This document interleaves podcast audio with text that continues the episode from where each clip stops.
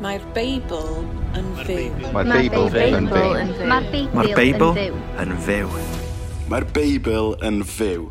A mae neges ar gyfer ni heddiw. Felly dewch i ymuno yn ysgwrs.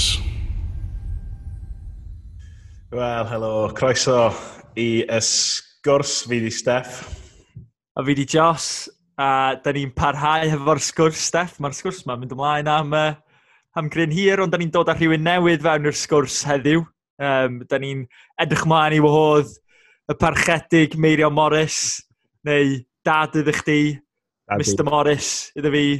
Um, ta taid ydy Meirion hefyd, neu? Uh, taid, taid i Eira Taylor a Nancy. Taid hefyd bellach, ond um, yeah, yeah. ni'n rili really erch mlaen uh, i gael Meirion o fewn ar y sgwrs. Um, Da ni'n edrych ar topic sydd ddim wastad yn hawdd na, Steph. Na, ond ti'n gwybod beth sy'n meddwl fi ar hyn o bryd? Be? Fel, a few years yn ôl, oedd Donald Trump fel funny mental, ond rwan mae yeah. just fel scary mental.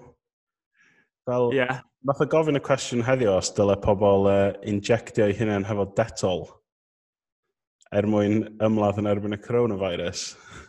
Oh, a mae ma Detol di gorau tweetio, mae'n just fel, Be yn y byd mae'r dyn ma'n neud? Oh, na, be, di detol di tweetio at Donald Trump?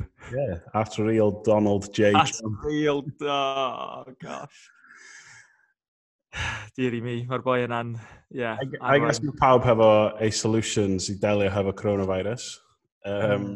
A dyma lle mae'r cwestiwn yma'n dod heddiw, Jos. Um, achos dwi'n gweld lot o pobl yn gofyn fel pam bod Dyw yn gadael i hwn digwydd, uh, pam pan bod y pandemig yn mynd ac yn, yn literally lladd y rhai mwyaf vulnerable yn y byd ble mae Dyw. Mm -hmm. um, a mae'r cwestiwn yma, mae wedi bod o gwmpas erioed, ie, yeah, a mae'r cwestiwn yma'n rili really bersonol. Ie, ie, ie, yndi. A, a dwi'n meddwl beth ni wedi gweld yn y cyfnod yma ydy mae yna lot yn trio rhoi atebion iddo fo hefyd.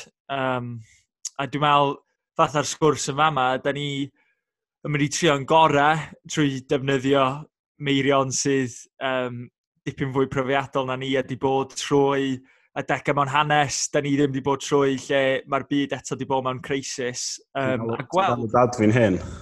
Mae o'n ga... ma, ma galw ei hun yn hyn, Steff. Yeah. So... Ti'n iawn. Ond be, be mae da ni'n di drio wneud ydy trio fframio'r sgwrs yma o gwmpas y Beibl, a sy'n mae'r Beibl yn siarad fewn i dioddefaint, a, a sut da ni gallu dwy'n gobaith a hyder um, o'r hyn mae'r Beibl yn ei ddeud. Yeah, so without further ado, let's phone a friend. Fewn â ni.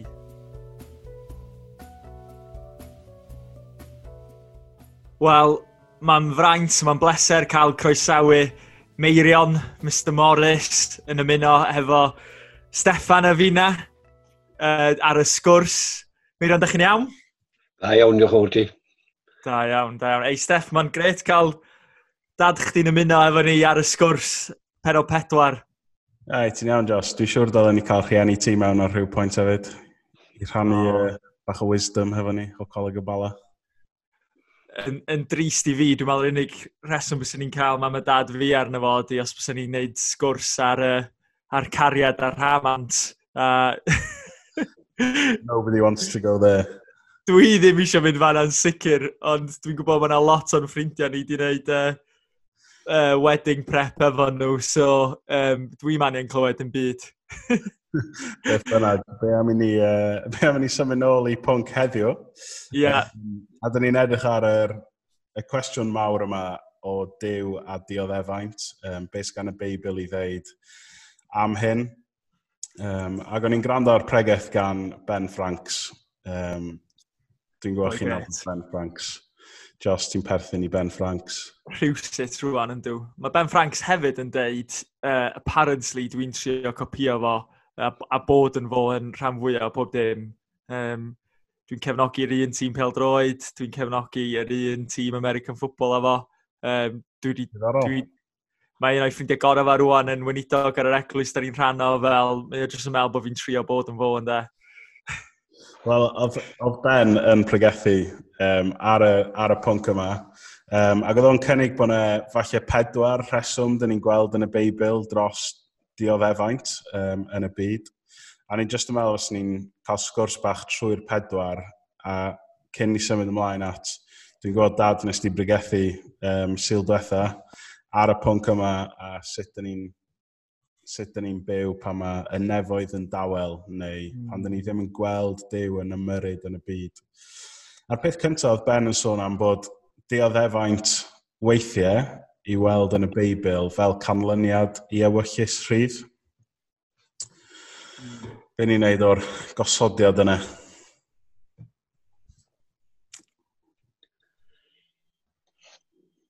Dwi'n meddwl bod, um, chymod, mae balans yn y Beibl drwy amser yn does rhwng beth sydd yn digwydd uh, oherwydd bod Dyw yn, uh, yn ewyllysio i hynny ddigwydd, a beth sydd yn digwydd o fewn cwmpawd hynny o ewyllus rydd ac sydd gennym ni a yn cyfrifoldeb ni. Nawr yn naturiol, mae yna lot o bethau dyn ni'n neud, ac mae yna ganlyniadau i'r hynny, ac chymod, mae hwnna'n wir am Grysogion, mae'n wir am pob math o bobl. So, os chi yn ymddwyn mewn rhyw ffordd, um, does na ddim osgoi canlyniadau'r math na o ymddygiad. Hmm. Wedi deud hynny, mae rhaid i ni gymryd hefyd be mae'r ysgrythyr yn deud am bwyty cyfyngiadau yn ewyllu sryd ni ac um, sut mae yn ewyllus ni yn balansio gyda yn syniad ni o sofraniaeth diw. Ond mi'n credu i'r pwynt yma, mae, chymod, byddwn ni'n cytuno gyda Ben, chymod, mae yna ddioddefent, mae yna foen, mae yna ofid, sydd yn deillio o'n dewisiadau personol ni. Mm. Mm. Ac ni'n gweld hwnna yn yr amser yma, fel mae'n ma dor calonus meddwl bod yna penderfyniadau falle wedi cael ei wneud sydd wedi arwain at so, bywydau'n cael ei golli yn y cyfnod yma. A, um, mae hwnna'n obviously ar lefel llywodraeth, ond dwi'n gallu meddwl ar lefel personol, hei, mae'n y pethau dwi wedi wneud heddiw, um, ac o ganlyniad, mae yna ma canlyniadau gwael. Mm. Mm. A wedyn, oedd o'n sôn oedd am yr adnodd yn Hebreaid 12, pan mae'n sôn am bod Dyw yn disgyblu y rhai ma'n ei garu. Um, so bod dioddau neu treialon yn dod fel disgyblaeth gan Ddyw.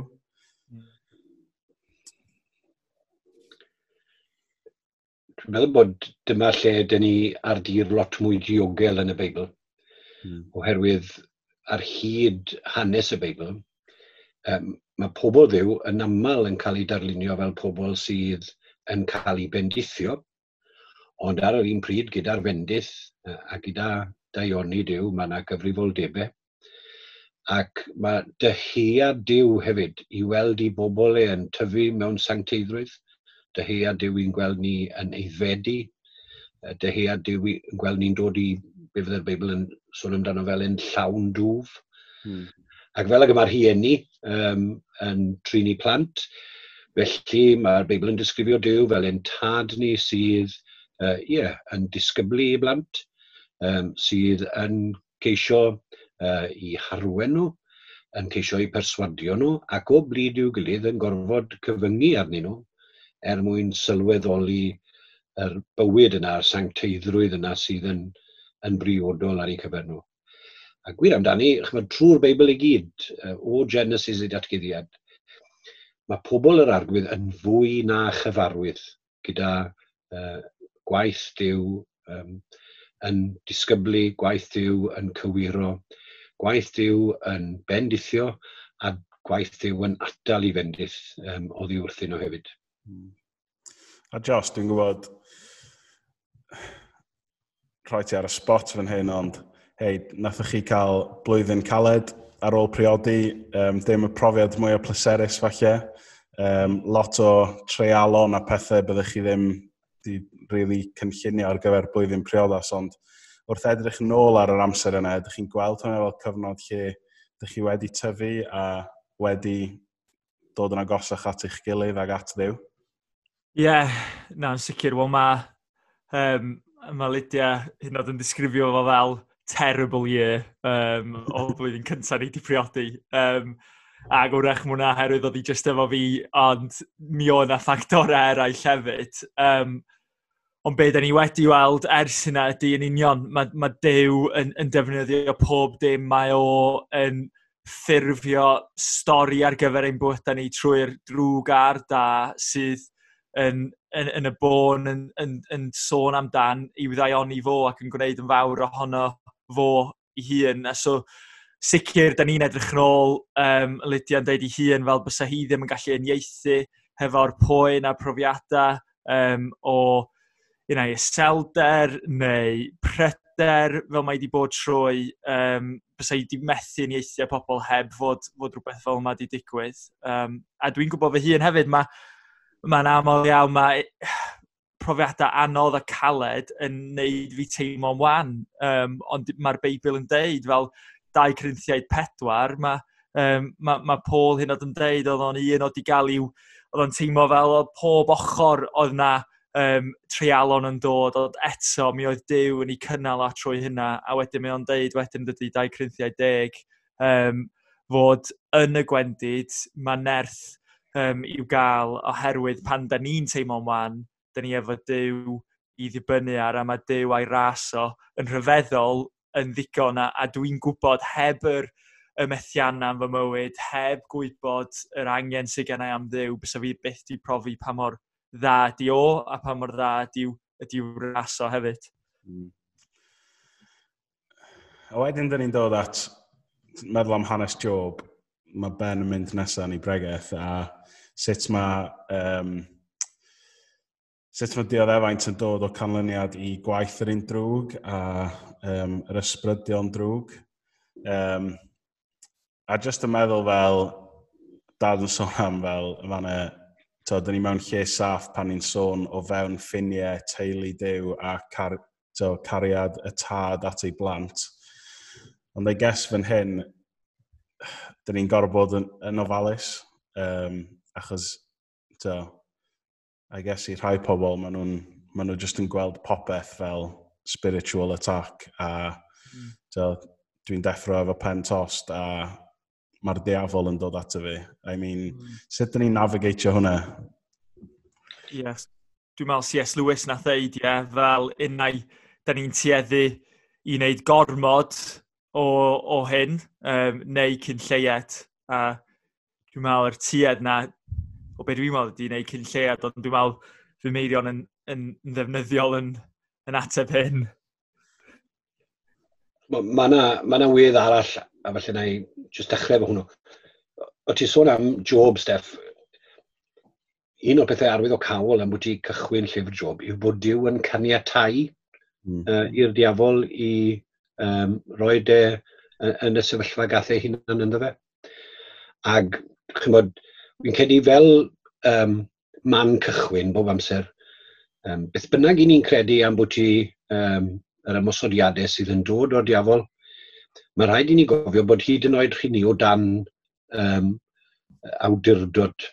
Yw, dim ond hyn a hyn um, mae diafol yn cael wneud y mywyd plant diw. Um, mae yna gyfyngiadau achos mae diw yn ddiw hyd yn oed pan mae y diafol ar ei weitha. Nawr, wedi gweud hynny, Dyn ni yn gwybod hefyd bod uh, y Beibl yn glir bod yn bywyd ni yn frwydr. Um, mae'n frwydr ar sawl lefel. Mae'n mae frwydr fewnol, yn yw efo yn bechod yn unen, a sy'n well gyda diafol na um, pwysleisio yn bechod ni a pwysleisio ran o beth anel yn dod ag ati ddylediillio hwnna. Mae yna frwydr allanol yn yw y pethau sydd yn digwydd i ni, a'n amgylchiadau ni ag ati y blaen a sy'n byd gwell gyda diafon a defnyddio'r amgylchiadau yna i drial deud wrthyn ni, wel, gwrna, dros na ddim siw beth i gael a diw sydd yn degaru di a, a'r math yna o gyhyddo mae'r diafol yn neud. Yeah. So ar y ddwy lefel yna mae'r diafol wrthi, ac i ni ddim yn cynabod hyn, a mae wrthi yn prowlan, dyna'r darlun, um, mae Paul mae'n defnyddio, mae'n prowlan rownd hmm. um, eisiau baglu ni ag ati. Mm. Neu fath mae Genesis yn gweud, mae e a'i drod yn y drws, a'i ddymuniad ei yw'n cael ni, ac yn cael ni i, i wadu ac i gefnu ar yr arglwydd. So mae'r frwydr yn real iawn iawn yn, uh, yn y Beibl. Wedi deud hynny, mae'r fuddugoliaeth yn real iawn iawn yn y Beibl hefyd. Um, lle den ni'n ochneidio, mae'r greadigaeth yn ochneidio, den ni'n ochneidio, achos dyn ni'n gwybod na dyn ni ddim yr hyn fyddwn ni. Ond yn y pethau mae i gyd, mae yna ddewid y byddwn ni yn y frwydr yna yn fwy na choncerwyr. Hmm. So, ni yn gofod cymryd um, grym uh, y diafol, twyll y diafol uh, o ddifri, ac i ni'n gofod bod ar wyliadwriaeth. Ond i ni'n neud hynny yn y frwydr fel bobl sy'n gwybod beth yw pen draw y frwydr. Ie, yeah, mae hwnna'n dda i ni just fframio meddyliau ni um, fel bod ni ddim yn cael yn, yn overwhelmed um, mewn, mewn amser fel yma yn sicr neu mewn unrhyw storm. Achos tra gall un o'r tri peth yma bod yn wir, gall, gall dim un o'n nhw fod yn wir hefyd. Um, Byddwn yn iawn i ddeud, a bod, bod nhw ddim fel esboniad taclus, dyn ni'n gallu rhoi mewn bocs, ond eto dal o fewn y ffram yma. Um, ti'n edrych siarad amdano o bod Dew in control. Mm. Ie, um, yeah, dwi'n meddwl, ti'n meddwl, Steff, jyst i, yeah, i, i ddelio gyda hynny, mae'n bwysig iawn iawn i fi fel Christian ydy, wyneb yn wyneb a amgylchiadau, wyneb yn wyneb a anawsterau. Chyfod, un peth sy'n siŵr o fod yn wir yn y Beibl, pobl i ni sydd yn rhodio wrth ffydd ac nid wrth olwg.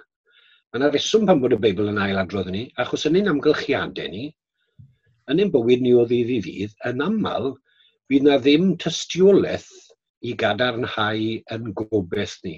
So mae Paul, er enghraifft, pan mae o'n sgwennu at yr hyfeiniad, hyfeiniad 8, sydd yn un o'r penodau mwyaf cyfarwydd i chi. Mm. Mae'n gweud wrth yr hyfeiniad oedd yn gwynebu brwydrau a nawsterau erledigaeth ag ati um, poen. Yn y gobaith hwn y cawsom yn hachub, ond nid gobeith, mor gobeith sy'n gweld. Mm bod mae yna gysnogion sydd yn well am resymu pethau drwyddo na'i gilydd, ond yn y pen draw, pan fydd pob awns o reswm wedi defnyddio, byddwn ni'n yn gallu rhesymu um, beth sydd yn digwydd, mwy na byddwn ni yn dal i obeithio oherwydd um, mae'n gobeith ni'n seiliedig ar yn ffydd ni yn pwy yw diw yn yr arglwydd Iesu Grist. A mae'r sbriglan wedi tywallt holl ddaioni Crist a gobaith yr efengil mewn i'n calonau ni. Mae hwnna'n newyddion da, Jos. Yndi, a um, mae'n galonogol mewn dydy, mae'r ma, Beibl yn llawn straeon, ti wedi sôn fan am, am Job, um, ond mae'na ma ma gymaint ohonyn nhw o unigolion sydd wedi mynd trwy cynodau anodd, dwi'n meddwl am stori Joseph hyd yn oed rwan a um, fo yn, yn mynd i'r aifft fel geithwas a wedyn yn cael ei taflu fewn yn y carchar a trwy'r stori ti'n gofyn o hyd yn dweud fel pam, pam hyn, pam hyn rwan a dwi'n siŵr hyn oedd i Joseph wrth fo aros yn y carchar bod oedd i bod yn gofyn y cwestiynau yna ond oedd gan dew pwrpas hyd yn oed yn, yn, yn yr aifft, oedd gen fo pwrpas yn y carchar a dwi'n dwi meddwl amdan be mae Joseph yn deud i'w frodyr yn yn penod 50 yn de, pan mae'n deud yr hyn oedd chi yn fwriadau er mwyn drwg oedd dew eisiau defnyddio er mwyn da a, a mae'n ma ma, galonogol gwybod fod ganddo ni dew sydd yn gwybod beth i diwedd y stori efo hwnna yn un o fuddigoliaeth. Um, felly ie, yeah, hwnna, dwi'n bod yn sgwrs rili really ddynyddiol. So just wrth i ni cloi, un munud ar ôl, um, i pobl sydd yn sydd wedi bod yn poeni neu'n pryderu neu'n gofyn y cwestiwn lle mae Dyw yng nghanol yr, y coronavirus crisis yma, um, sut byddwn ni'n ni crynhoi beth ni wedi siarad am? Beth gyda fi'n meddwl, Steff, yw yn eidrio bod mor grynol sy'n bosibl. Darllenwch Salm 44. Oherwydd mae Salm 44 yn cael ei sgwennu gan y salmydd pan diolch o'n gweld dim um, o ddaioni'r arglwydd. Mae'n gweud, wedi cerdded gyda'r arglwydd, wedi aros yn ffyddlon, ac eto mae gwarth yn fy wynebu beinydd, wy'n ddihareb ymysg y cenedloedd. Ymysgu arglwydd, pam y cysgu, deffro, paid am gwrthod am byth, pam wyt ti'n cuddio dy wyneb. So mae, dydy'r profiad yna o, o fod stryglan efo ble mae diw, a sut mae dirnad ffurf ddiw mewn cyfnod. Dyw hwnna ddim yn broblem newydd uh, i bobl yr arglwydd. Um, pan oedd Iesu yn cysgu yn y cwch, oedd y disgyblion yn meddwl, wel, mae hynny Sion Arwydd nag yw ddim yn poeni dim amdano ni. Pa mae e'n deffro, mae e'n leinio y disgyblion yn gosown a gweud, be, o'ch chi'n barod i drystio fi pan o'n i'n cysgu? Mm. A dwi'n meddwl, chyma, mae yna gyfnodau yn mywyd y Cristion, a mae yna gyfnodau mywyd yr Eglwys. Fel ti'n deud ar y dechrau, pan mae'r nefodd yn dawel, ond dydy Dyw ddim yn wahanol, dydy Iesu ddim yn wahanol, dydy'r addewid ddim yn wahanol. Ac um, nid nid yn fach, ond i o ddefnydd ni, esgus bod yn bodoli mewn real anghyffredin. Wedi deud hynny, mae'r gallu sydd yn yr arglwydd Iesu Grist yn anghyfnewidiol yn hanes i blant. Um, sut bynnag mae'r sŵn o'n cwmpas ni yn swnio. Hmm. Ie, mm. yeah, da. Mae hwn gobeithio wedi bod yn helpu chi um, wrth gwrando, mae wedi bod yn helpu i fi. Um, ac os mae gyda chi cwestiynau sy'n dod allan o'r sgwrs yma, please anfonwch nhw um, ar Twitter, ar Facebook. Byddwn ni wrth yn bodd yn dilyn i fyny ac yn cael mwy ohonych chi i ymuno yn y sgwrs yma. Um, ond am heddiw, diolch dad, diolch Jos, hwyl fawr.